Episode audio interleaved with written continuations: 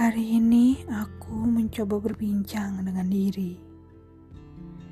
Mengapa tetap betah meski telah dibuat patah? Mengapa selalu ingin bertahan saat dia lebih memilih meninggalkan? Mengapa tak kunjung beranjak pergi saat tak lagi memiliki?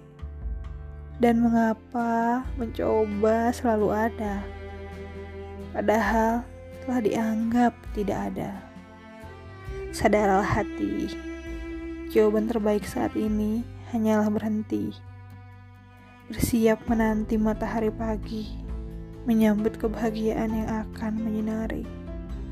Mengatakan pada sang akar kemungkinan bernama kesempatan, telah engkau tanggalkan semua takut. Siap menemuinya tanpa sehelai ragu. Kembali berserah, mengikuti angin takdir mengarah.